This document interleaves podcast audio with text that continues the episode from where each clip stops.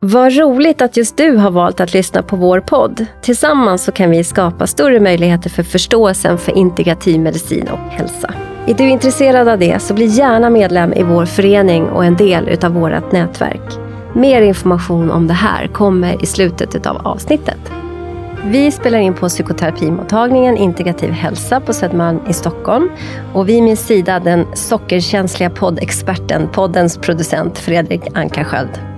Min gäst idag är Ann Fernholm. Varmt välkommen! Tack!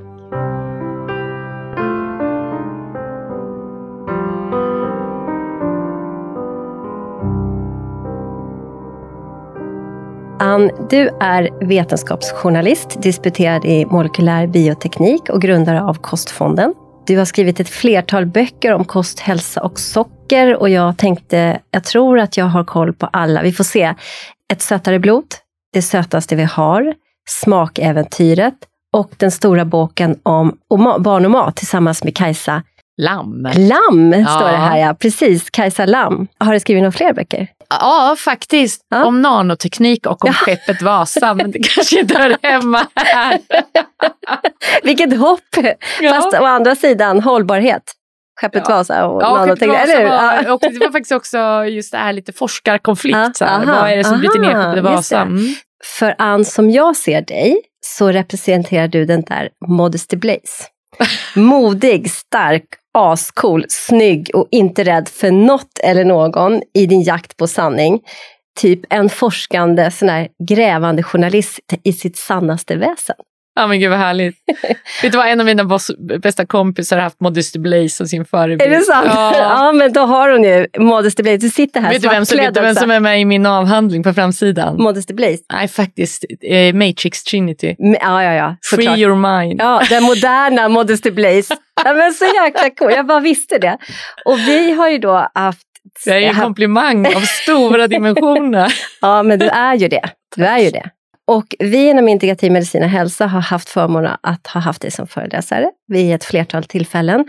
Och då, vill jag, och då har du också föreläst om sockrets skadeverkningar på människokroppen. Mm. Och, vi, och då ska jag passa på att säga att de finns ju på Youtube publikt, gratis för alla som vill fördjupa sig mer i det här som vi kommer att prata om kanske idag. Så Modesty Blaze, en gangsterdrottning som numera lever på rätta sidan av lagen. Hur kommer det sig att ditt stora intresse för socker, alltså hur kommer det sig, hur, var började det någonstans? Ja, alltså jag tror att det första som gjorde att jag började titta på det var nog faktiskt en egen erfarenhet. Jag gick upp väldigt mycket vikt under min första graviditet. Och sen när jag skulle gå ner, när min dotter hade fötts, så kände jag en stor panik, för jag kände ju att banta är vedervärdigt, att man blir hungrig och så var man trött och hade ett barn som vaknade på nätterna. Jag fattade faktiskt inte hur jag skulle orka det. Men så var det en i min mammagrupp som hade gått ner med en GI-kost. Hon hade käkat sig mätt, hon käkade mättat fett, men hon käkade inte socker och vetemjöl och sånt. Och så testade jag det och så gick jag faktiskt ner i vikt utan att vara hungrig. Mm. Och det var tur för sen blev jag gravid väldigt fort igen med min son. och hur blev det då, den graviditeten? Ja, den blev ju lättare. Jag gick faktiskt inte upp alls lika mycket under den. Och jag var Fortsatte inte lika du med GI? Eh, ja, det gjorde jag. Jag fortsatte ja. med GI. Och sen så, så efter det så fick jag uppdrag att skriva en bok för Vetenskapsrådet om forskning på barns och ungas hälsa. Och då dök det här med övervikt och sånt upp. Och sen, alltså, det här kommer jag inte ihåg hur det kommer sig, men jag intervjuade en kvinna som hade typ 2-diabetes som berättade för mig om dagen när vågen stod på 100 kilo och hon var beroende av ganska stora doser insulin för att försöka få ner sitt blodsocker. Eh, men det gick ändå uppåt så här, man ska ju helst inte ha över 8 en dag, men hennes gick upp till 18 och då vet man ju liksom att det är fara och färde. Det är ingen bra för blodkärlen. Men hon eh, gick då ut på internet och hittade en läk amerikansk läkare som hanterar sin diabetes med hjälp av en strikt lågkolhydratkost. Och hon ställde om kosten, hennes blodsocker gick inom loppet av två dagar ner och la sig på en låg och jämn nivå som hos en frisk människa. Och där hade hon en otroligt tydlig bild på. Eh, och sen så kunde hon lägga bort insulinsprutorna och sen gick hon ner 40 kilo i vikt inom loppet av två år. Och hon blandade grädde och crème fraîche som fil till frukost. Mm. Wow! ja. och det, men det var inte G, vi kanske ska säga vad Nej, det var inte G, det var ju LCHF. Det, det var, var ju super-LCHF mm. då liksom. Va, vad står GI för? G glykemiskt index. Det. Eh, det. är ju mat som som, eh, det är liksom snabba kolhydrater som snabbt går ut i blodet. Just det. GI, eller lågkolhydratkost är ju liksom nästa steg på det kan man ju säga. Då, då tar man ju inte bara bort snabba kolhydrater utan också långsamma kolhydrater. Men, eh, men hennes berättelse fick ju mig dels att börja undra hur sjutton man kunde ge personer med typ 2-diabetes rådet att käka saker med vetemjöl och socker i. För det, då, liksom, kostråden då var ju verkligen att du kunde äta socker och vetemjöl och du kunde äta en liten bulle till kaffet bara den var liten liksom. Jag kommer ihåg när det där ändrade sig, för jag jobbar som sjuksköterska då. Ja. Att det från innan när man pratade liksom om att, ja, men diabetes, sockersjuka, ja. till att man gjorde, nej man fick inte benämna det för det längre, Nej. utan man, man behövde prata om det som diabetes och att man kunde egentligen äta vad som helst, bara man liksom ökade upp sitt insulin då som behandling. ja. På ett sätt kan jag tänka mig att just alltså, typ 1-diabetes, att man på något sätt kanske måste göra en särskiljning kring det där. För att i förståelseprocessen att det inte är samma, för det var lite svårt att hålla isär. Då kunde jag tycka, idag är det lättare, så att något har, gott har vi gjort utav det. Men det var en väldigt tydlig skillnad där, att men hur kan man säga till typ 2-diabetiker att de får äta vad som helst och så kan de sköta det med sin diabetes, Ja. med tabletter eller insulin. och oss för mig som helt- biokemist i grunden, Mm. när jag stötte på det här så var ju det helt ologiskt. För rent krasst, så de kostråd man fick skulle ju ha dödat personer med diabetes om det inte fanns blodsockersänkande läkemedel. Så det här fick ju mig att börja sätta mig in i historien bakom våra kostråd. Hur har, hur har de formats? Och finns det överhuvudtaget en vetenskaplig grund för dem? Och när jag började sätta mig in i det där så hittade jag ingen, fanns ju ingen grund för det här. Det, var ju, det fanns ju liksom inga studier som visade att det där var något effektivt. Eh, och sen kom ganska snart efter Statens beredning för medicinsk och social utvärdering. Det är en väldigt okänd myndighet i Sverige, men det är den Säg igen vad den hette. Alltså, Statens beredning för medicinsk och social utvärdering. Det brukar förkortas SBU. Just det. I Eh. våran värld känner man ju till den, men alltså gemene man gör Nej, inte gemene det. man gör inte det. Men de ju- kom ju då med en väldigt, de går ju väldigt hårt på vetenskapen, vilket jag i det här fallet tycker är väldigt bra. Eh, och då hittade ju de ingen vetenskaplig grund för de här kostråden. De stod ju att de vilar på en bräcklig grund. Och vid typ 1-diabetes stod det att det rådde en uppenbar brist på studier. Då ska man ju generellt sett, som både läkare och forskare, bara oj, det här är ju inget bra. Vi har ju faktiskt ingen vetenskaplig grund för de kostråd vi ger. Men av någon konstig anledning så eh, drar man inte den slutsatsen inom vården. Men det här är ju, det fick mig att skriva Ett sötare blod, min första bok. Och när jag skrev den... Den är Ja. jättebra. Jag har Nej, läst jag den andra också. Ja, det sötaste vi har, den kom ju sen. Och då, eh, när jag skrev Ett sötare blod så började jag inse att det faktiskt är väldigt stor skillnad på hur kroppen omsätter socker som ju är sackaros och stärkelse. Stärkelse är ju, består ju bara av glukos medan socker, sackaros, består av glukos och fruktos. Och då finns det ju ganska, alltså teorier som har vuxit sig starkare och starkare som säger att det är fruktos som är den, en av våra absolut största hälsobovar i de doser vi äter idag. Det är ju dosen som gör giftet liksom. Sen när jag skrev den så började jag undra hur sjutton ska vi få våra barn att käka om de inte får massa socker i maten? Och då skrev jag mina två böcker för bebisar, Smakäventyret och Stora boken om barn och mat. Och det är väl kanske de böcker som jag tänker i längden faktiskt borde kunna göra störst skillnad. Mm. För det visar sig att om man smaktränar sina bebisar och låter dem äta riktig mat från början och känna mat av olika konsistens i mu- munnen, börja tidigt med tuggträning, då blir de väldigt matglada. Och de kan, nu är det en bebis vi följer, vi gör en webbkurs av det här också. Då följer vi ett barn. Hennes favorit nu, det är senap, så hon kan sitta och käka senap ur burken, ett och ett halvt år gammal. Underbart.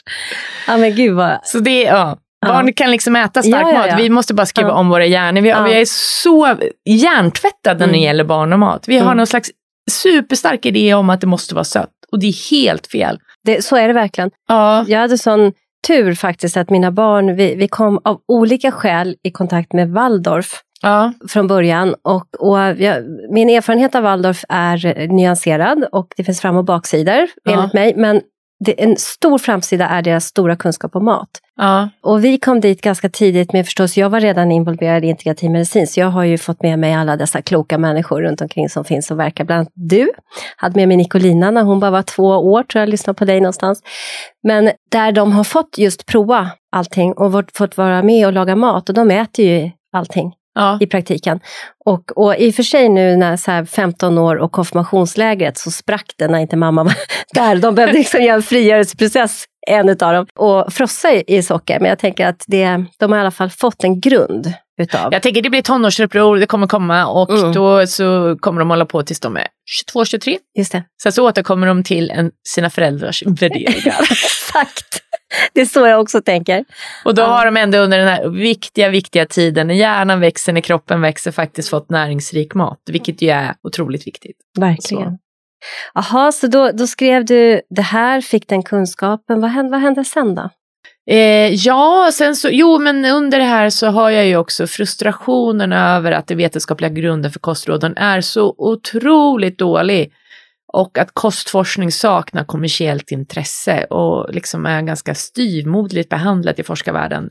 Det fick mig att grunda, bidra till att grunda Kostfonden. Berätta om Kostfonden. Ja, men Kostfonden är precis som Cancerfonden en ideell insamlingsorganisation, men vi samlar pengar till välgjorda stora koststudier. Och eh, när jag dör så tänker jag ofta att det är det jag kan vara stolt över då. För en välgjord koststudie behöver kan inte bara göra skillnad i Sverige, utan den kan göra skillnad i precis hela världen. Så att eh, vi eh, den första studien vi samlade pengar till, Kost vid IBS, den är världens största studie på området och de har faktiskt behandlat sin sista patient nu. Mhm. Ja, så resultaten kommer under nästa år. Så då har vi bidragit till en av världens absolut Wow, största då får jag bjuda koststudier. in dig då och Mm. kanske prata om de resultaten. Det vore ju Ja. otroligt Vi intressant. bidrog också till världens största studie. Nästa studie vi satsar på var kost vid typ 1-diabetes. Det blev också världens största studie på området. Den pågår just nu. Mm. Just för att SBU då, då skrev så här att det råder en uppenbar brist på studier och det är helt skruvat. Sen var det faktiskt så att när vi hade då fått in alla pengar vi behövde till IBS-studien så, så skulle vi satsa på något nytt och jag tänkte typ 2-diabetes men då var det en kvinna som dog, hon var 36 år gammal och eh, hon, hennes njurar hade förstörts av typ 1-diabetes. Och det fick mig att känna det här är helt galet. Hon ville att alla pengar skulle gå till kostfonden i samband med hennes begravning. För att hon hade fått reda på för sent att en lågkolhydratkost kan hjälpa vid typ 1-diabetes också. Aha, är det så? Det Ja. kan hjälpa vid Och jag kan knappt prata om det här utan att gråta. Jag tycker Nej, det är så oerhört sorgligt. Ja. Men alltså är det så? För Ja. det känner inte jag till alls. Att det är, att, alltså, jag tänker att det är klart att det gör nu när du säger det. Men, men kan du inte berätta lite vad Med det typ är? 1-diabetes Ja. och kosten.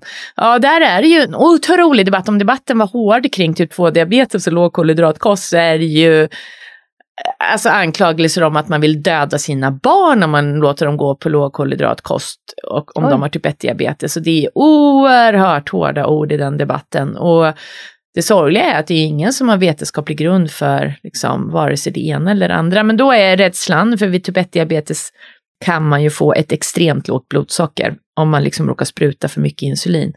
Och då är tanken att man inte äter kolhydrater så ska jag blodsockret bara. Mm. dyka ner. Men själva grejen är det som många upplever som då har typ 1-diabetes, det är ju att om de inte äter så mycket kolhydrater då skjuter aldrig blodsockret så högt i höjden. Och då blir det lättare att reglera med sprutorna, för när det skjuter i höjden och man sprutar mycket insulin Så, så går det också. plötsligt Ja, ner och då måste Mm. man äta något sött. Och så men uppe i Mm. de här svängningarna. Och det som, Som då- är så farliga för ja, som är kärl. jättefarliga. hjärtkärl. Ja, och jobbiga liksom. Ja, verkligen. Och eh, svåra att hantera. Och det är ju när det är föräldrar som har barn med typ 1-diabetes, och de är ju vakna på nätterna. det är Ja, många som de har ju dem uppkopplade sig. på olika sätt på telefoner och alltihopa kan aldrig ja, det, det, ja, koppla av. Nu vill jag vara tydlig med, för det är Ja. många som anklagar oss då för att göra studier på barn och så. Vi, våra studier är gjorda på vuxna. Eh, och de har inte en extrem, de har ingen ketogen kost, för de har man också varit rädd för, för det finns ju ett annat farligt tillstånd vid typ 1-diabetes som heter ketoacidos. När man får ketonkroppar i blodet som man får om man börjar bränna fett, men samtidigt har ett högt blodsocker. De får inte så, låg, eh, liksom så strikt lågkolhydratkost så att de går in i ketos. Men de går mycket lägre än vad gemene man gör. Eh, så. Och sen hur, vad som, vilket resultat det ger, det får vi se eh, i eh, när studien publiceras. Men de är över halvvägs nu. Wow, och det känner jag verkligen, spännande. alltså när den studien går i mål. Mm. Då, ja. Men jag vill bara säga till folk, nu höll vi på att sjösätta världens, största, eller, världens andra största studie någonsin av eh, kost vid typ 2-diabetes. Och det blir faktiskt en europeisk studie, så Norge och Sverige och förhoppningsvis Tyskland och Skottland kommer också vara med. Och eh, vi samlar pengar till den nu, så alla som tycker att det är viktigt att stötta sån här forskning som faktiskt kan göra skillnad och inte bara i Sverige utan hela världen, så stötta Kostfonden och jättegärna som månadsgivare. För med fler månadsgivare så kan vi planera vår liksom, verksamhet och satsa långsiktigt. Då kan vi säga till forskarna som är typ 2-diabetesstudier nu, så har vi sagt så här att ja, vi kommer samla ungefär eh, till er 1,35 miljoner kronor kan vi ge er i tre år. Så då kan de liksom påbörja studien utan att vi har alla pengarna. Var hittar man information om det här? Om man På kostfonden.se. Mm. Och sen uppe till höger finns det så här eh, bidra eller lämna bidrag eller något sånt där står det högst upp till höger på menyn och då klickar man där och så går man till månadsgivare och så blir man månadsgivare med bankgiro. Bra. Jättelätt. Mm. Viktigt. Och du sa att IBS... Eh, Man kan också bli företagsvän förresten. Ja, och det. skänka julgåvor. Ja, Ja, julen. Det finns alla möjligheter. Ja. och julen ska vi prata om också Ja. med, med, kring socker. Det är ju liksom en av våra höjdpunkter när det gäller socker. Eller? Eh, ja, det kan man väl säga. Mm. Men vi- vi går tillbaka till, jag måste bara fråga om ja. IBS-studien. Där hade ni nu behandlat sista patienten sa Mm. du. Eller vi gör ju, det är Ja. forskarna Ja, som gjort jag det. Vi förstår. bidrar ju bara Ja. till studien. De Mm. är ju ändå de är liksom fristående forskare som gör studien. Ja. Men eh, det är eh, 300 personer som inkluser, inkluderats i studien. 100 personer har fått en låg FODMAP-kost. Då byter man ju ut vissa fibrer i kosten, tar bort vissa fibrer som man vet går ner till tjocktarmen och som kan ge massa gasbildning och så vid IBS. Eh, den andra är en strikt lågkolhydratkost. Eh, och den tredje är faktiskt läkemedelsbehandling. Så jag tror det är nästan den första gången i världshistorien Wow, som man kosten det testat parallellt. läkemedel. Ah. Ja, det blir jättespännande. Ja, det blir ju spännande. Hur många deltagare är det i den? 300. Mm. Och det är ju en experimentell studie, för man är kanske van att höra om koststudier som är sådana här observationsstudier, eller man pratar om epidemiologiska studier när folk får fylla i enkäter hur de äter och sen så, så liksom följer man dem i 30 år. De studierna är ju, skulle jag säga, hyfsat värdelösa inom kostforskningen, för det finns väldigt få människor som fyller i de där enkäterna på ett bra vis. Och det är sådana studier som Kostfonden vill komma bort ifrån. Ja, och det är ju de studierna också som många använder för att förkasta koststudier. Så säger man att ja, men det där går inte att säga någonting utan det vet man inte, det är kausalsamband hit Nej, och men du dit vet, de där studierna spretar ju hit. Du vet, bara i Sverige, om man tittar på Livsmedelsverket, använder ju enkäter för att kartlägga hur vi svenskar äter och sen så, så bestämmer de vad de ska göra för så här, hälsoinsatser i befolkningen. Och då tycker ju de inte socker är något problem, för vi svenskar till exempel, vi rapporterar att vi äter 4,4 kilo godis och choklad per person och år. Men tittar man på vad som säljs, det gör inte Livsmedelsverket av någon anledning, men tittar man på vad som säljs är det 15 kilo godis och choklad, så det säljs tre gånger mer. Så det säger ju att i de där enkäterna som de ber oss fylla i, då missar vi två tredjedelar av all godis och choklad som säljs liksom. Och sen så inte bara det, vi har ju väldigt mycket socker i all mat. Ja, ja, ja. Alltså det sprutas glukos in i det och alltså, jag kan inte alla namn på det. Men vet du vad, min nästa ja. bok, jag jobbar ju på en ny bok nu. Fejkmaten kommer Ja. snart, i början av nästa år, i mars är planen. Mm. Ja. Ja, det måste jag också få bjuda in dig till, då får du Ja. komma och prata om fejkmaten. Men vet du, då har jag faktiskt lyckats få fram en unik lista över de hundra vanligaste ingredienserna i svensk mat. Mm. Spännande. Ja, Vill du outa plats något? socker ligger. Ett? Nej, faktiskt salt ligger på ett. Är det salt på ett? Okej, Ja. så på två. Två är socker. Så salt, vi har, saltar ändå fortfarande mer. Ja, men jag tänker det här är ju inte hur mycket det är, utan Nej. det är ju inte volymen av utan det är liksom i hur många livsmedel det förekommer. Ja, ja, ja, Men då kommer faktiskt mm. socker före vatten. Mm. Ja, före vatten. Ja, och då så, och på 12 i topp Ja. Så finns, fyra är citronsyra. Mm. På 12 i topp, Den är inte heller jätterolig. ja, nej precis, på- inte i alla fall om man Nej. reagerar på, nej. Nej. det är ju, Det är svartmögel den framställs ur. ja precis. Eh, Även om det det är några mögelsvampar, det är lite, ja precis, jag har Ja. inte satt mig in så Även om det görs enligt konstens alla regler. Ja. Så, ja. Så finns det ju Mm. vissa människor som verkligen berättar. Mm. att de reagerar på citronsyra och mår mycket bättre när de tar bort citronsyra. Sen är det som jag käkar citronsyra, jag tror inte jag reagerar på Nej. det. Liksom. Nej. Så Nej. jag tror att det är väldigt olika, men det är verkligen någonting man kanske ska testa om man har mycket problem med eksem och så. Eh, Det är väl som alla allergier, liksom. man kan reagera på många olika saker. Man kan ju bli allergisk mot allt. Alltså Ja. inte allt samtidigt men vi, kan vara, vi är väldigt olika. Så Ja. att du kan vara allergisk mot någonting och jag mot någonting Ja. annat. Så det gäller ju att vara sin egen detektiv där. Apropå Ja, verkligen. blaze. Ja, ja, ja, ja. Men, men det är på 12 i topp i alla fall, så förutom vanligt socker så Mm. finns på 12 i topp också glukossirap och druvsocker. Ja, för det, det lärde jag mig jättemycket när jag läste dina böcker att det heter ju också väldigt mycket Ja. olika saker. Alltså socker i Ja. majs, alltså uttaget, alltså vad heter allt det här? Det är så- Glukos, fruktossirap, glukossirap, invertsockersirap, ja, melass och sen så har allt detta juicekoncentrat som används idag. Det är ju, jo, och så säger man så här på framsidan av livsmedelsförpackningar att ja, det här är frukt. Här, godis som marknadsförs till barn, bara, ja, det är 97% frukt. Och man bara, nej, det är ett äppeljuicekoncentrat som är lika sött Hade som inte du en sirap. sån, eh, var det inte någon sån eh, Jag har skrivit ett öppet brev till Ja, livsmedelsindustrin. Ja, om det? ja. Vad, vad skrev du? Ja, men det handlade ju just om, eh, liksom, kan man verkligen likställa frukt med eh, ett sirapsött juicekoncentrat? Mm. Vad hände? Ja, nej, jag har ju anmält de eh, företagen till, man kan anmäla företag som man tycker är vilseledande förpackningar till, om ett företag ligger i en speciell kommun så anmäler man till miljökontoret i det, den kommunen, eller livsmedelsinspektören, eller kan hitta lite olika saker, livsmedelskontrollen eller miljötillsyns, ja, massa olika saker. Men det är liksom på miljöförvaltningen någonstans. Eh, och så har jag anmält dem dit. Eh, Det här är en del av min nästa bok, eh, och så att jag anmäler och testar vart gränsen går. Vad får de göra, vad får de inte göra? Och det är förvånansvärt mycket som de har gjort väldigt länge som de faktiskt egentligen inte får göra. Mhm. Mm. Det är ju intressant. Ja. Äkta vara. Ja, de är ju också väldigt För bra. de var ju, ja, de skrev Ja. ju en bok, eller han skrev en bok. Mats-Erik Nilsson. Den hemliga kocken. Ja, just det, Den hemliga kocken. Mm. Han, han skrev ju det, det är ganska länge sedan. Ja, det var ju en fantastisk bok. Det var en för mig. fantastisk Ja. bok, verkligen. Jättebra. Där han, apropå grävande journalistik, Ja. på att säga, men gräv, att ta reda på. Men det som skiljer färgmaten från den boken, för Mm. de tittar ju väldigt mycket på alla tillsatser i maten och alla e-nummer och så. Eh, jag tror helt ärligt inte att det är det största problemet med vår moderna mat. Jag har infört ett nytt begrepp nu, det är frånsatser. Det är tillsatsernas motsats. Det är allting gud, det som bra. försvinner ur maten när vi processar den. Och som idag blir djurfo- djurfoder ofta. Mm, mm. Eh, så att eh, det är, eh, ja vi måste börja prata om från, matens frånsatser. Mm. Vill du göra det nu eller vill du komma tillbaka och göra det sen? Ja, vi kan prata lite Ja, om vi pratar lite. Berätta, från, från maten. Från maten, till- nej men det handlar ju liksom om när man till exempel tar fram socker från en sockerbeta, då renar man ju bara fram sackaros. Det, är- ju en ren kemisk substans. Allt annat så finns i sockerbetan.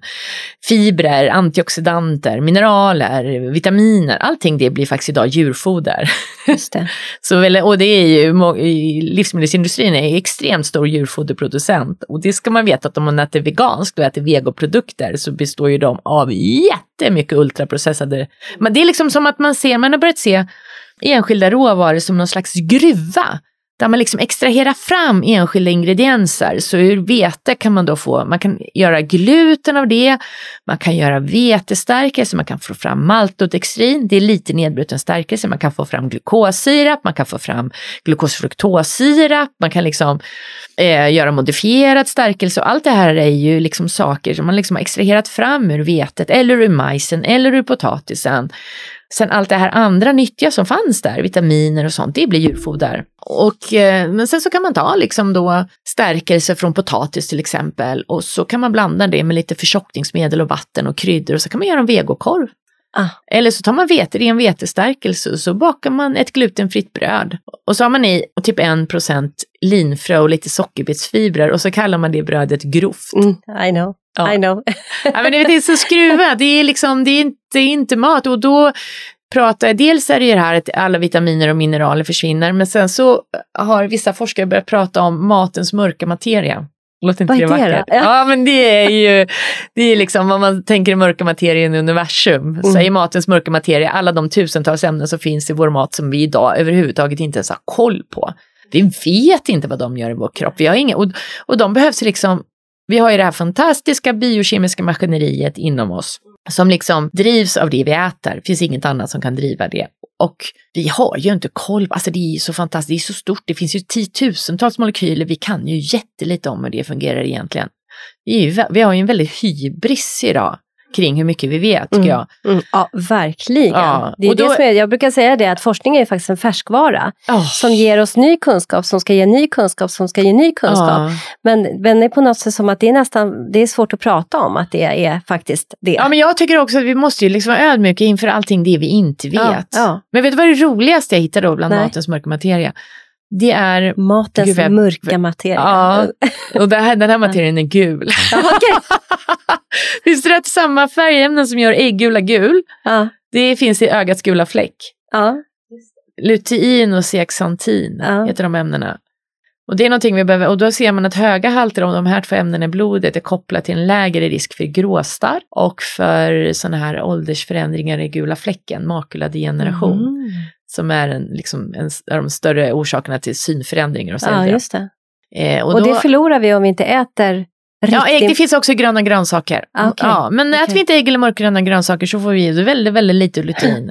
Och där tycker jag, dels både inom den etablerade forskningen, där man sett så här, åh, ägg det innehåller kolesterol, och det är farligt. Och man bara, okej, men alla de andra tusen ämnena som finns i ägg, då bara väljer vi bort dem också. Men också faktiskt inom hälsorörelsen, där man säger så här, åh, vi ska äta karnivor. Och så här, och vi ska inte äta det här, vi ska inte äta det här. Men bara, vad händer om vi tar bort ägget? Vad händer om vi tar bort grönkålen och spenaten? Vet du det? Det har vi faktiskt ingen aning om. Nej. Och det där tycker jag, jag tycker båda två stirrar sig blinda på små detaljer i maten. mm. Men alla ska förhålla sig väldigt ödmjuka och säga att nej, det enda vi vet är faktiskt att vi behöver en uppsjö av grönsaker och liksom, eh, vi behöver kött, fett, protein. Liksom. Men vi behöver äta naturlig mat. Ja, vi behöver äta riktig mat. Riktig mat, ja precis. Precis. Som Robert Lastig, han som jag intervjuade, han som är den stora sockermotståndaren i USA, i Okej. USA när jag var besökte honom. Sockermotståndaren. Ja, Robert Lastig han är vid. UCSF i San Francisco, det stora sjukhuset i San Francisco. Jag var där och gjorde ett reportage som är med i Det sötaste vi har. Mm. Han bara, I even have a name for my diet, you know what that is? Eat real food. ja, precis. Så känner Ja, jag. ja. Ja. Ja, men faktiskt, det är ju så. Och, eh, vi pratar inom integrativ medicin så ofta om systemisk förståelse. Ja. Alltså det här med system, att vi Ja. vet inte riktigt vad allting gör, men det är liksom sam... sam Det samverkar. ja, det samverkar med varandra. Jag, jag, får, jag får en så här äh, spännande liksom, eh, tanke. Jag bara prövar den, för att jag fick själv hypotyreos och fick vanlig traditionell Levaxinbehandling för Ja. det. Mm. Och den funkar, jag vi är nedlusade med det, så det är liksom ärftligt i min Aha, släkt. ja. Det är jättemånga som funkar jättebra på Levaxin, men jag gjorde inte det. Jag fick så fruktansvärt värk i kroppen. Jaha. Och sen fick jag då på licens så småningom, efter mycket om och men och, och så vidare. Alla de fem. licens. Ja. Då fick jag ett naturligt sköldkörtel som, Ja. också- som är läkemedelsberett, men som innehåller T1, T2, T3, T4. Eh, och T- Levaxin är ju, är, ju bio, bioidentiskt, eh, alltså Men det är bara ett hormon, eller hur? Ja, Fast- bara ett hormon. ja. Men då fick jag den här som är liksom en, och det problematiseras ju, för det är inte så att det är bra för alla. För mig så försvann allting, jag har inte, jag har inte ont i kroppen, ingenting. Och då tänker jag just på det här systemiska, att vi vet inte riktigt, ja, men vad är det som kroppen egentligen behöver för att få saker och ting att fungera. Att vi behöver det här, eh, alltså där, där vi får allting. Många Ja. gånger. Många gånger så behöver vi, det är ju så, mina släktingar kanske hade mått ännu bättre på det här också, men, men alltså just när man, vi vet inte och bara för att vi inte vet så ska det förkastas. Nej, det är det jag tycker är så intressant med forskarvärlden. Det tycker jag, eh, forskarvärlden är så ovetenskaplig ofta. För det som de inte har studerat, det kan inte finnas. Det är liksom fel slutsats tycker jag. För det som vi aldrig har studerat kan vi inte uttala oss om. Nej, precis. Det tycker jag är så intressant. Så här. Kostfonden intervjuade en ung kille som har Bechdrevs sjukdom. Mm. Han fick det väldigt ung och så fick han så läkemedelsbehandlingar. Ska vi berätta lite vad Bechdrevs Ja, det är sjukdom Bechdrevs, och ja, jätte, det är en reumatisk sjukdom Ja. som Mm. gör att man får väldigt ont i höften och så blir, jag vet faktiskt inte vad det är som bryts Syndrom va? Ja. Mer ett syndrom att det, men det, men det är... man får ont i höften och ländryggen och så.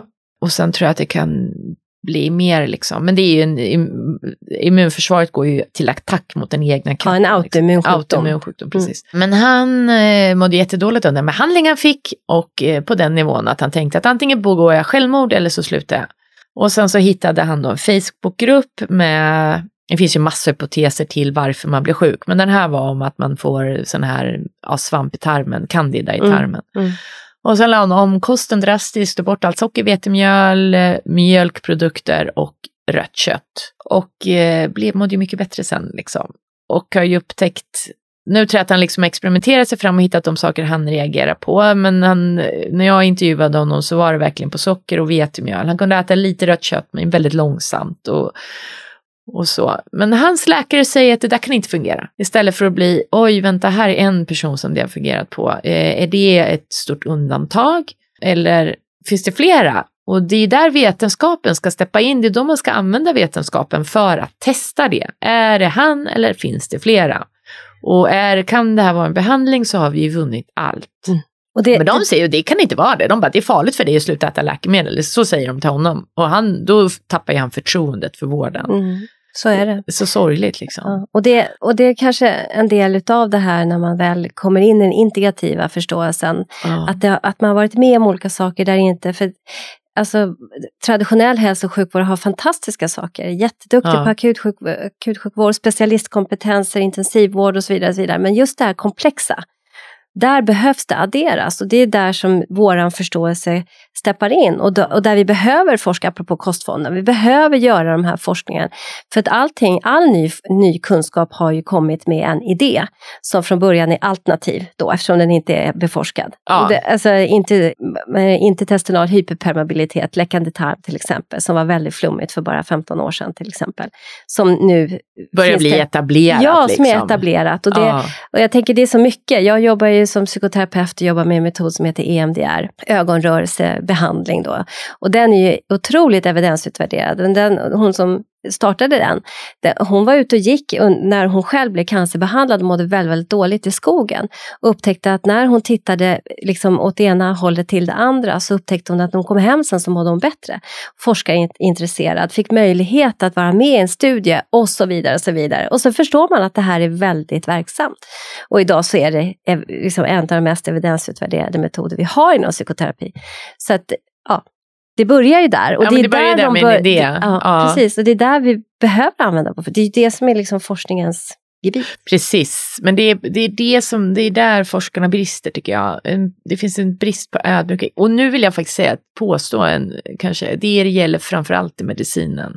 Jag vet när jag, jag skrev, jag har ju skrivit en massa annat som vetenskapsjournalist. Jag skulle skriva om, det var något om fysik och rymden och jag kommer inte ihåg vad det handlar om. Men när jag hade börjat, började granska kostforskningen så intervjuade jag en eh, fysiker. Och han berättade om någon observation de hade gjort.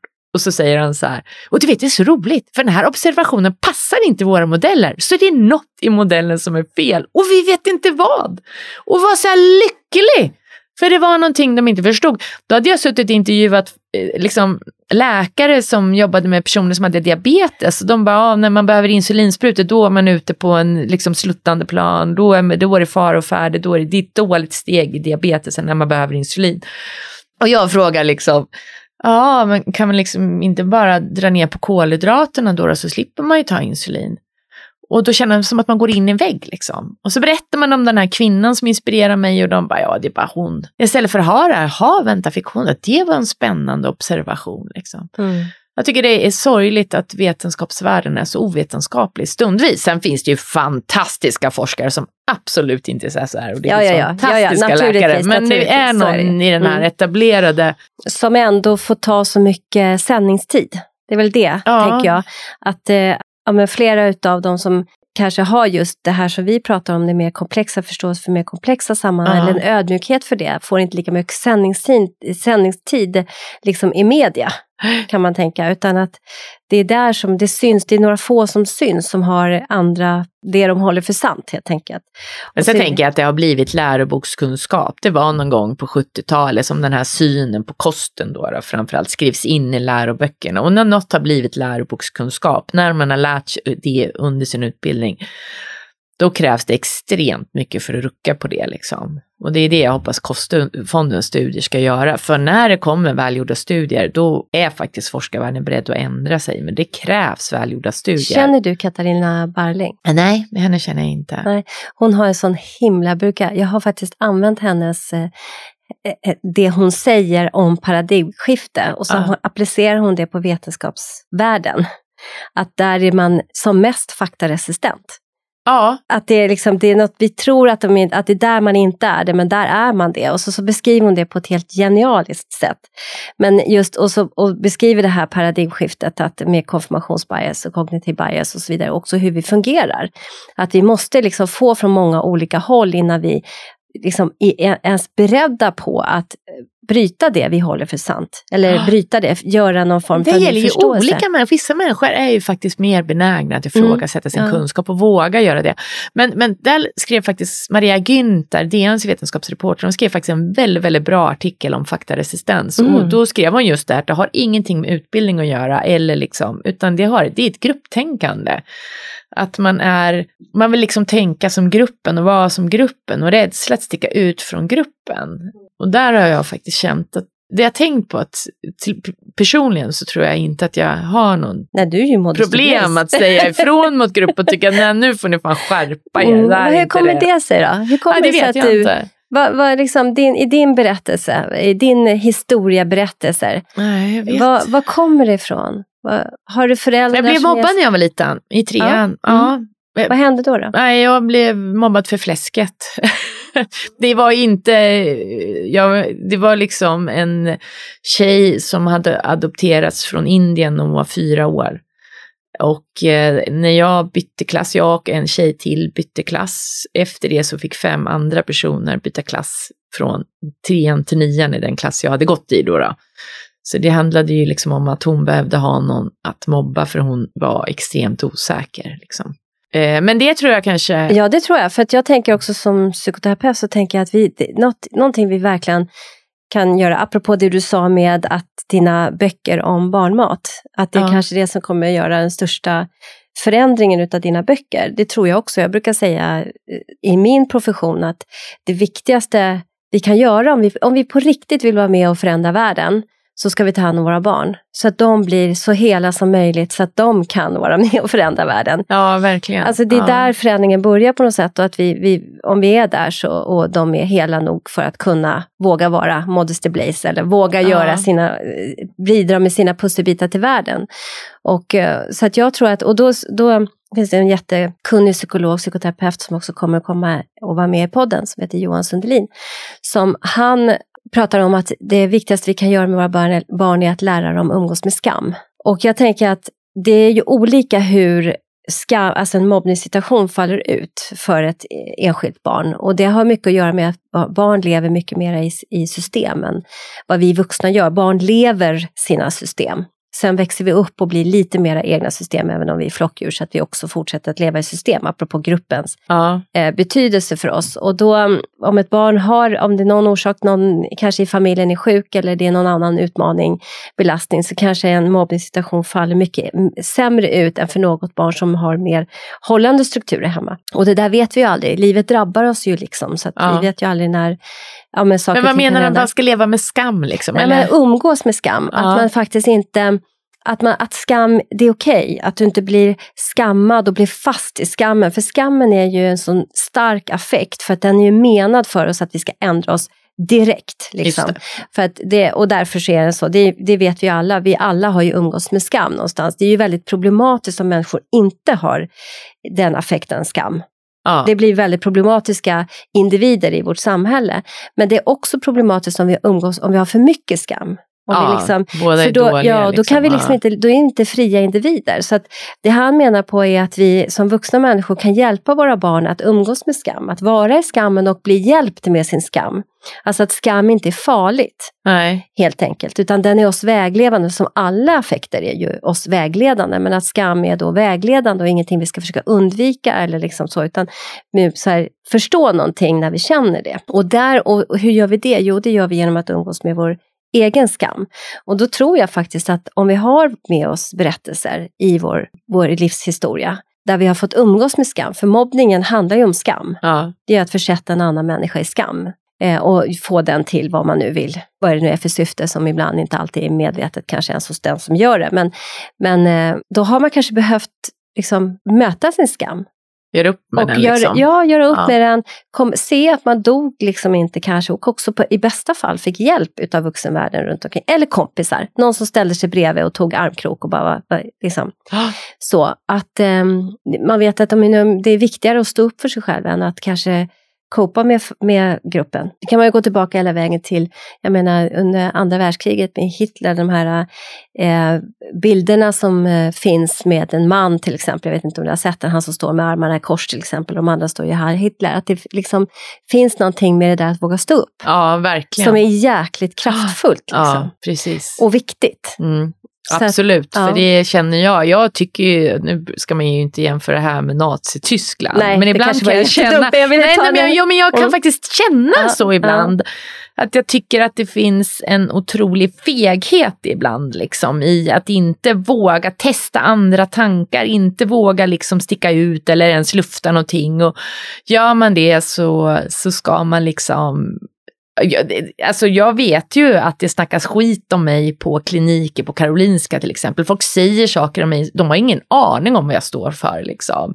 Men det är, jag tycker det är intressant, liksom. typ att jag jag har en nolltolerans mot socker. Då har jag gått ut, jag kan säga tv så här, att vi ska halvera mängden socker när vi bakar. Mm. Och då har jag nolltolerans mot socker. Man bara säger, ja nej, det var faktiskt inte det jag sa. Liksom, det är så intressant hur man försöker klistra på saker på människor. För det kan jag uppleva, saker jag aldrig har sagt. Liksom. Det försöker man ju, jag tycker bara att det är fegt. Mm. Så reagerar jag. Mm. Och det kan nog säga, människor som gör sånt får man liksom lite, jag vet inte, jag tycker de är fega. Mm. Men det är, det är lite som det här med, ja, Astrid Lindgren skriver i, att man måste våga, vad är det hon säger? Han säger Jonathan till Skorpan när de ska hoppa.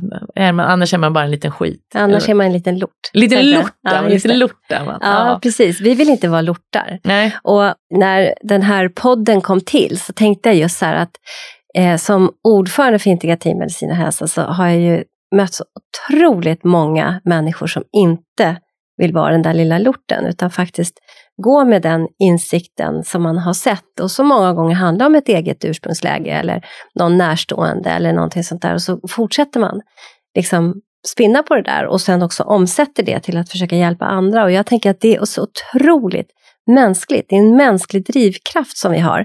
Nej, men jag måste säga en sak ja, här. Så, ja. faktiskt, det är en av de coolaste grejer jag gjort som journalist i en dokumentär om HIVs historia i Sverige. När aids kom till Sverige mm. heter den. Mm. Och då var du med i den? Nej, jag var inte med. Jag gjorde den. Jag filmade den liksom. Det var min idé. Mm. Jag, den, jag gjorde den på Dabrowski TV, producerade och den sändes på TV4. Det började egentligen med att jag träffade Linda Morfält som var läkaren som diagnostiserade det första fallet av HIV i Sverige. Hon var en så jäkla färgstark och modig person och en person som verkligen vågade stå upp. För hon gick ju till motsvarande Pridefestivalen och stod inför liksom flera hundra män som var gay och var, sa att ni ska bara ha sex män, allt annat är livsfarligt just nu. Liksom. Och det här var ju under en tid när liksom, homosexualitet hade just, det var inte längre en sjukdom, bara några år tidigare hade det klassats som en sjukdom. Så det var ju inne i en väldig frigörelse, liksom, vilket ju är man förstår ju det liksom. Men så spreds det här överjäkliga viruset som då dödade massa människor och då vågade hon stå upp där som ung läkare och bara säga, alltså det dödar er. Men hon, var, hon hade också, det var en som jobbade på Socialstyrelsen som när de första två, tre personerna i Sverige hade gått bort, så hade han gått ut och sagt att eh, ja men nu ser vi att pandemin, eller den här epidemin avklingar i Sverige. Då hade hon personligen gått hem till han bor på kvällen, ringt på på hans dörr och sagt så här, det där säger du aldrig mer det är liksom, en liten lort. patos liksom. Ja det är det. Och hon hade ju rätt. Med hon hade ju rätt. så hade hon ja. ju så rätt. Hon och Kerti ja. Sturesson var, hon var den första sjuksköterskan. De behandlade liksom de flera hundra patienter och alla andra läkare var livrädda för det här nya viruset. Men det som jag identifierade, de första läkarna som verkligen behandlade de första patienterna med HIV i Sverige, det var sådana modiga människor. Jag, det var det som drabbade mig mest. De stod kvar där, så vågade vara i det där. Det tog fram det bästa hos människorna. Liksom. Sen fanns det en stor feghet runt omkring. Det tog fram det sämsta. Liksom. Men de som vågade stå upp för människorna som drabbades av HIV, det var liksom så otroligt starka människor. Och det här var ju flera år efter. Men man märkte att det liksom sållat fram de här modiga människorna som inte var fega. Och där tycker jag så här, inom vår ram av integrativ förståelse, att, att mötas och samtala för att förstå någonting mer tillsammans. Alltså det sokratiska samtal som jag babblar om tror jag i varenda avsnitt. Men, och försöker hålla i våra seminarier och alltihopa, att, att vi faktiskt ska kunna prata om, även om du och jag, om vi skulle stå här och tycka helt olika, att vi faktiskt försöker mötas av nyfikenhet och förståelse och vara modiga. För att du, jag är helt säker på att du kan och förstår massvis och jag gör också det. Och så försöker vi förstå någonting tredje därför att med stor ödmjukhet att vi faktiskt inte förstår Alltså det finns så mycket kunskap på den här planeten och saker som inte vi känner till fortfarande. Så att allt annat är ju liksom dumt. Att inte vilja göra det om man nu har tid att lägga för att ha de här diskussionerna så borde man göra det. Och särskilt om man sitter på positioner där man faktiskt kan göra stor skillnad för många människor så behöver man göra det. Och idag så tycker jag att media ändå liksom, ja men det, det vi, vi behöver inte sitta i varsin skyttegrav utan vi, vi borde kunna sitta tillsammans och diskutera. Det har det liksom funnits samtalsregler för det som heter dialektik som sedan 2000 år tillbaka. Liksom. Som ja, ja, men absolut. Att man vinner mer på ett samtal. Alltså, ja, behöver man mm. inte alltid tycka lika. Nej, nej. nej. Det får finnas respekt tycka gärna, gärna olika, olika ja. liksom, för att förstå någonting mer. Ja. Att, um, Men det som fascinerar mig, jag sa att jag skrev en bok om mm. skeppet Vasa, det, mm. tycker jag, det som är fascinerande med forskarvärlden det är att man tycker olika, så sitter man där och slår ganska hyfsat dåliga studier i huvudet på varandra mm. och säger ja det här beläggen och jag har det här beläggen och man ser liksom som vetenskapsjournalist, ja ni har båda lite olika belägg för era teorier men inga belägg är bra. Kan ni inte bara sätta er ner då och designa en studie ihop och så tar ni reda på vem som har rätt? Ja, precis. Så, och det gör de inte. Nej. Nej. Men det har faktiskt Kostfonden nu, det är jag jätteglad för att den studie av kost vid typ 2-diabetes som vi samlar pengar till nu, då har faktiskt forskare gjort det. Mm. Forskare från olika läger designade den studien ihop. Wow, ja. den är ju häftig. Ja, så det är en forskare från Skottland, Mike Lean, han har gjort en jättestor studie på pulverkost och måltidsersättning, extrem lågkalorikost. Eh, och eh, så är det Simon Dankel eh, som framförallt står för en strikt lågkolhydratkost, en norsk forskare. Och sen är det med diabetesläkare som kan väldigt mycket om diabetes som har designat studien. Och det ger ju en bra studie. Du är ju vetenskapsjournalist och sen är du disputerad, ja. eller hur? Disputerad i eh, molekylär bioteknik, biokemi kan man säga, ja, kroppens biokemi. kemi. Ja. ja, kroppens kemi. Eh, och, men forskar du själv nu? Nej. Nej, utan Nej. Du, håller, du ser till att hålla forum. Det krävdes för mycket tålamod. Ja, okay. Jag fick faktiskt en forskare, jag fick en postdoc på Harvard hos en forskare som efter det fick Nobelpriset. Mm. Inte för det jag skulle hållit på med, utan sakerna jag gjort tidigare under karriären. Jack Shostak. Mm. Eh, då ångrade jag i fem minuter att jag inte tog det där jobbet som postdoc. Men jag valde mellan det och bli vetenskapsjournalist, så blev jag vetenskapsjournalist. För jag tyckte att forskarvärlden behöver granskas. För jag tycker att man överdriver resultaten från sina studier och sånt.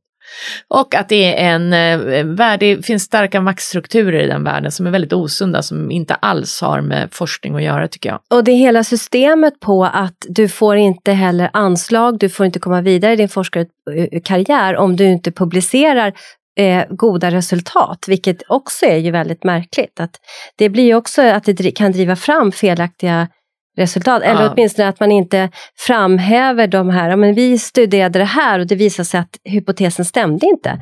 Det, det har lika... man ju faktiskt kommit åt nu. För nu ska okay. man, många forskning, medicinska mm. forskningsstudier ska idag publiceras på en databas som heter clinicaltrials.gov. Mm. Är det den här som kommer från USA, den här stora som ska samla allt? Ja, där, där ska mm. du registrera en studie. Så då kan du se om det finns studier som har påbörjats som aldrig har publicerats. Ja, så det, det är faktiskt, ja, för man, mm. är ju faktiskt medveten om det problemet. Men det gäller ju verkligen kostforskningen, att studier som har talat emot att mättat fett skulle vara farligt till exempel, de publicerades ju aldrig ordentligt och så. Men jag skulle inte säga, jag tycker ett stort problem tycker jag inom medicinsk forskning är att eh, som forskare är ditt mål att kunna publicera dig och kraven för att publicera sig är faktiskt ganska låga.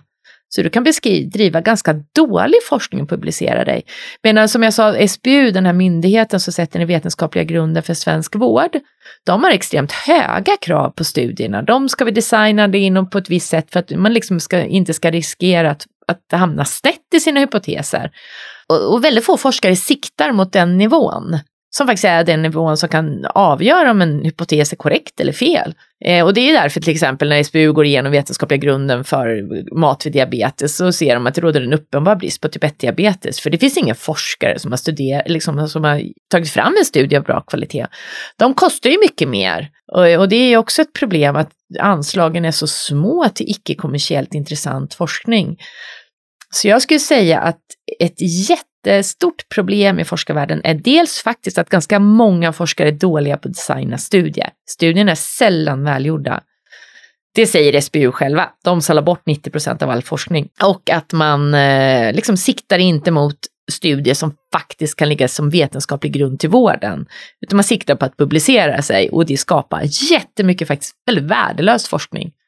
Nu kanske jag sticker ut hakan med mm, det här, men det. så är det. Det, det är så. Vi skapar väldigt mycket medioker forskning och väldigt, det är väldigt få studier som är Och det är väl egentligen inte kontroversiellt på något sätt, för det, är ju, det tycker jag att ja. många många pratar om egentligen, att vi behöver ha det. Så det är ju fantastiskt med kost, kostfonden. Ja, vi har faktiskt med folk från SBU i vårt vetenskapliga ja, råd för att vi ska... Och då så kan man säga liksom, när forskarna då ja, men har några frågor och så, så kan man säga, skicka dem till de här superduktiga utredarna från SBU och bara men, prata med liksom, Sten i vårt vetenskapliga råd, han har koll, kan man göra så här? Ja. Så kan de så vet man att det blir bra. Kvalitet. Ja, och det kan man också, nu har de gjort det, men när de publicerar och så här kan man ju liksom det är också ett problem med SBU när de går igenom, då kanske man inte har skrivit in, när man rapporterar sin vetenskapliga studie i en publikation, kanske det saknas information där som är viktig för, för att kunna utreda, liksom som SBU behöver då i sina utredningar och sånt. Så det är ju, ja det är viktigt att man eh, följer de vetenskapliga spelreglerna tycker jag. Ja, ja, ja. ja de har ju frammejslats under lång tid. Ja, vi har kommit väldigt långt med dem ändå. Mm. Vi lever ju faktiskt längre, trots allt. Ja, ja verkligen. Och du, tänker jag så här, eh, kommer också in i det här med någonting som jag tycker är så högst eh, samhällsadekvat. Så nu ska jag säga det andra när jag kallar dig för Modesty Blaze, så vill jag säga så här att du balanserar upp den, ja men på ett sätt ett patriarkat, sticker jag ut hakan. Ja, det är jag jättenyfiken. Ja, ska det här ta vägen? Ja, ja, Nej men alltså bland väldigt många, alltså det, du, jag, jag ser dig som att du kommer in med en kvinnlig balanserad visdom där du vill upprätta dialogen ur ett forskarperspektiv på en forskningsnivå som jag tycker är riktigt Men gud tack, vad glad jag blir. Ja. Det är ju det jag försöker uppnå, ja, så det har ju rätt ja, Och jag ja. tycker att du står verkligen jag har ju sett dig, du har liksom, ja, men jag har sett dig på föreläsningar, vi har haft dig som, som föreläsare. Eh, jag, jag ser dina inlägg, du skriver öppna brev, du liksom gör så här, du bara står där liksom. Du, liksom fastankrad i marken som liksom, ja, men så här, en balanserad kvinnlig energi som är så, så skarp. Liksom. Tack. som behövs. Gud vad jag behövde det här. Jag ja. sitter just i slutfasen på min nästa bok och känner att jag, syret är på väg att ta slut. Jag är på väg upp för Mount Everest. Jag orkar inte längre. Och så kommer du med de här fantastiska komplimangerna. Jag blir ja. jätteglad. Ja men eh, vad bra, de är helt ja. sanna. Jag skulle Tack. säkert varenda en som har lyssnat och tagit del av det skulle hålla med om det. Det är jag helt säker på.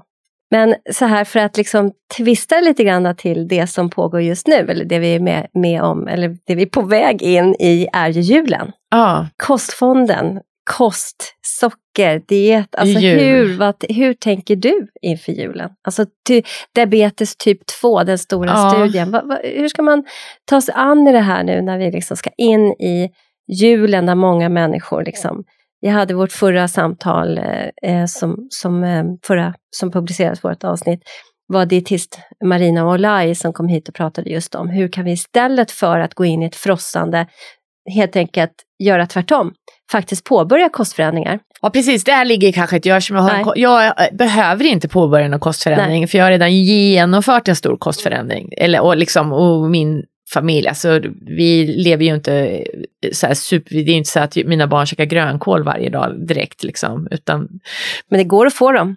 Eh, de käkar, de käkar, ja fan grönkål är svårt alltså. alltså kan få grön, nej, men jag har hittat sättet, ska, jag, ska jag ge tips? Ja, ja, Jag gör grönkål i ugn med, med vitlök och så ah. salt och massa olivolja och sen har jag B-jästflingor på. Aha, då, då får man nästan... mamismak där? Ja, en vän till mig som kom på nyår till oss, hade gjort så sa så att jag kommer aldrig äta det för att det, det är liksom grönkål, det är typ prydnad. Jag kommer aldrig äta det. Och sen kom han dit, jag ställde fram den här, checkade upp hela skålen.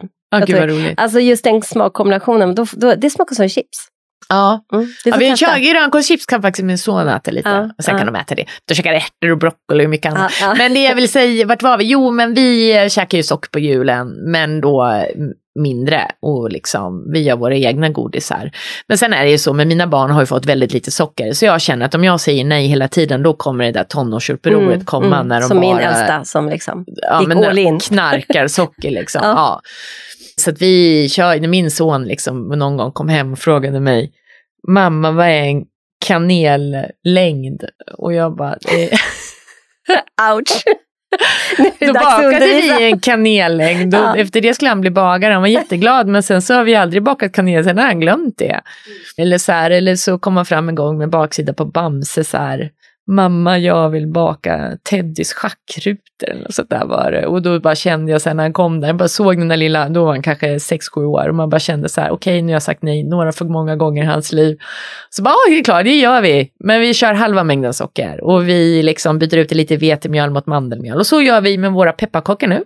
Kör halva mängden socker ungefär byter ut lite vetemjöl mot mandelmjöl och så blir det perfekta gubbar och gummor och hjärtan och allting. Och de blir supergoda, precis lagom söta. Jag har faktiskt gjort det efter jag läste din bok. kryddningen. Ja. Mm, så gjorde jag det. Ja, vad då tyckte du då? Jag, nej, men jag halverade socker i praktiken alla recept. Ja. Det var ingen skillnad. Nej, visst det blir det bra. Ja. Och sen så, så kör jag ofta så att jag kör mortlar, mandel, vad säger jag, kardemumma och nejlikan framförallt för då blir det väldigt mycket smak i pepparkakorna.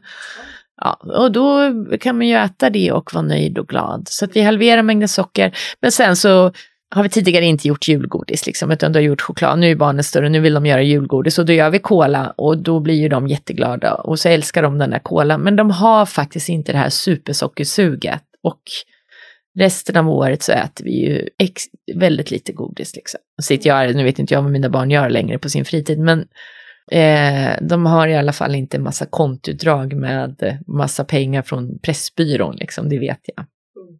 Eller så, där de har köpt grejer på Pressbyrån och sånt. Så, så att, eh, jag tycker det blir en bra balans. Så vi Men kör... Det är ju ett väldigt bra Eh, ett väldigt bra tips. För man kan lägga in sin egen sill, då kan man halvera sockret. Det sa dietist ja. Marina också, man kan halvera liksom, sockret. För Sillen var... har jag haft svårare att halvera sockret i. Mm. Där kör jag nog två tredjedelar. Okay. Ja. ja. Men, det, men vet du vad man kan göra istället också? Man, gör, man tar sån här, man gör en sån här krämig sill, då behöver man inte ha mycket socker i. Med liksom någon Crème fraîche eller ja, någonting. Ja, men någon sån, då kan mm. man ju få bort en mycket socker. Mm. Det gäller ju att välja sitt socker liksom. Till exempel på sommaren när vi har rabarber. Då kör vi rabarberkräm liksom. Men jag, jag brukar köpa ett kilo socker till sommaren. Då går det till rabarberkräm. Och till julen då går det till pepparkakor och lussekatter. Men vi köper ju inte liksom 20 kilo socker per år. Det är ju en dosfråga. Det är en dosfråga. Ja. Och det är också att man vänjer sig faktiskt. För att det, det tycker jag att det är, det är härligt att umgås med jämlikar av vår sort när vi liksom äter saker och ting därför att eh, när man är med andra som inte har gått den vägen som vi har gjort utan kanske äter så som väldigt många gör, tyvärr, apropå vår vällevnadssjukdomar. Det här vi pratar om är egentligen inte kontroversiellt. Alla vet ju, alltså ja. hjärt-kärl, diabetes och så vidare. Och så vidare. Våra vällevnadssjukdomar handlar väldigt mycket om socker och stress. Liksom. Eh, att, eh, men men eh, det, det, är väldigt sött. Det, det, det. som man ja. pratar om man, om man liksom äter med de som äter mer tra, liksom traditionellt. Det är väldigt sött och det kan jag känna så här att jag har ju varit där själv innan jag gick den här vägen. Man har tyckt det var gott ja. ja. Ja, det är fascinerande. Ja, det är så fascinerande ja. och nu så bara nej.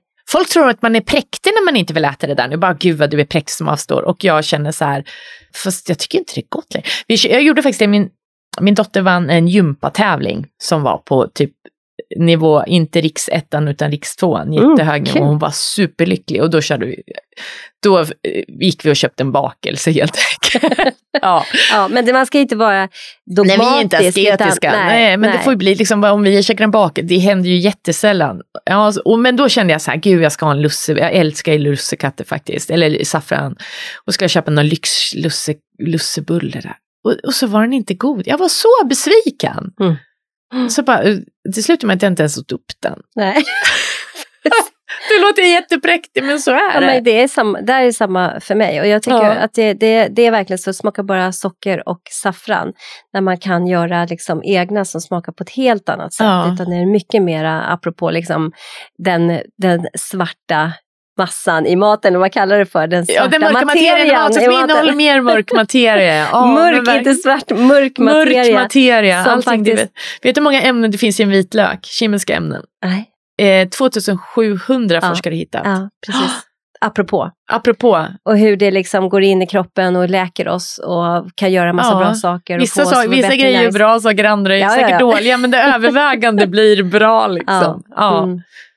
Ja, men Ja. gud vad roligt. Ja. Så innan vi slutar så vill jag fråga dig om det är någonting som du skulle vilja lyfta i det här som vi inte har pratat om, men som kan vara liksom, Oh, vi nej, måste passa på när vi nu har dig här som gäst. det är svårt att veta. Nej, jag, nej, mer än att det finns ett liv eh, med härlig god mat och det är ett bra liv. Så är man på den här andra sidan som jag var en gång och tror att mm, glass är det godaste som finns och bullar och kakor är viktigt i livet så kan man komma över på andra sidan och inse att eh, Det är så maten. det. Det är maten. Maten som ger den där ja, goda- man det blir där liksom goda livet. plötsligt lycklig av, ja just nu, min hook just nu det är vitkålssallad. Birgitta Höglunds recept, vitkålssallad med äpple, pepparrot, lingon, majonnäs och eh, citron. Kan man inte ta det där som ett jul? Åh, det, alltså, det är till skitbra julbordet. till julskinka. Ja, men, eller hur? Ja, det låter ju helt magiskt fantastiskt. gott. Är det några andra tips du har så här på julmat? Alltså skinkan till exempel, om man köper en färdig, då är den ju faktiskt ganska fullsprutad med socker. Är den inte det? Eller säger jag fel nu och blir anmäld utav listan? Nej, det, alltså, det, är, nej det, är, det är ofta druvsocker i men det är väldigt små mängder så de Okej. behöver man inte Mm. bekymra sig Nej, för faktiskt. nej. Onödigt men inte Ja. så. Eh, nej, jag eh, har aldrig gillat julskinka, inte ens, faktiskt nästan aldrig. Jag kan äta en bit och sen tycker jag. Mm. Men med den här eh, kålsalladen till är det faktiskt mycket godare. Men annars så kör jag nog rökt lax, eh, tycker jag om på julbordet. Nej, men den där har blivit, Ja, och sen så min man har ju fått in en väldigt, väldigt bra tradition. Eh, de har ju alltid stekta kantareller på sitt julbord. Ja. Och eh, sån här långkål heter det, tror jag. Sån Långkål? grönkål. Ja, grönkål som man kokar i skinkspadet tror jag. Sen stuvar man det. Ja, nu ska inte jag säga hur man gör den Det här. låter hur gott som Ja. helst. Ja, men grönkål och eh, den här vitkålssalladen med lingon i. Ja. Och sill där vi halverar, nej det gick inte att halvera, två Halvera, tredjedelar av halvera sockret. tycker jag är svårt med sillen. Pepparkakorna kan vi halvera sockret. Ja, Vi kan, eh, halvera sockret i lussebullarna nästan också. ja, just det, för det har jag gjort. ja. Till och med glutenfria eftersom jag själv inte tål gluten. ja just så har det. jag gjort det. Och sen så lägger jag saffranet i lite, ja, det kanske man inte får säga såna här, men sprit. Ja, men det drar ju ut, det det, är en kemi. Ja, det, det drar ska- ut den mörka materian. Exakt. så att det blir så här, precis så. Och då får jag Alla extra mycket smak. Ja, men precis. ja, Ja, men gud. Mörk materia, vad spännande. ja. Ann Fernholm, stort tack för att du ville komma hit och hoppas att du vill komma tillbaka och berätta om fake, fake-maten. Fejkmaten. Ja, Fejkmaten. gärna det. Tack ska du ha. Tack.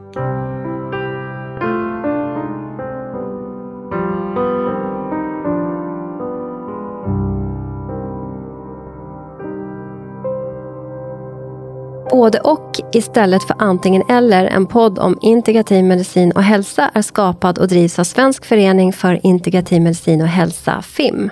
FIM är ursprungligen en yrkesförening för legitimerad vårdpersonal. Vi representerar sjuksköterskor, dietister, fysioterapeuter, läkare, psykoterapeuter, psykologer, tandläkare för att nämna några. Idag omfattas våra medlemmar även av associerade medlemmar som inte behöver vara legitimerade. Föreningens arbete vilar mot den vetenskapliga grund för integrativ medicin och hälsa som finns, såväl svensk som internationell och på systemisk förståelse av människan i sin miljö. Vår förenings arbetssätt har hittills varit att arrangera konferenser, seminarier och folkbilda genom att sprida information, exempelvis via sociala medier. Vår strävan inom integrativ medicin är att vara en organisation som vågar lyfta och ifrågasätta, motverka polariseringar genom tvärvetenskapliga dialoger och sokratiska samtalsregler. Vi vill kartlägga forskning som bedrivs även internationellt och hålla koll på aktuella forskningsresultat om behandlingsmetoder, både vad det gäller den etablerade vården liksom den vård som bedrivs utanför den etablerade vården. Sokratiska samtalsregler innefattas i den sokratiska samtalsformen som egentligen all grundläggande kunskap är sprungen ur, men som ibland till och med lyser med sin frånvaro i dagens public service. Så bli gärna medlem hos oss, för tillsammans kan vi förändra. Och hur du blir medlem hittar du via vår hemsida integrativ-medicin.se. Vi ses och hörs i nästa avsnitt.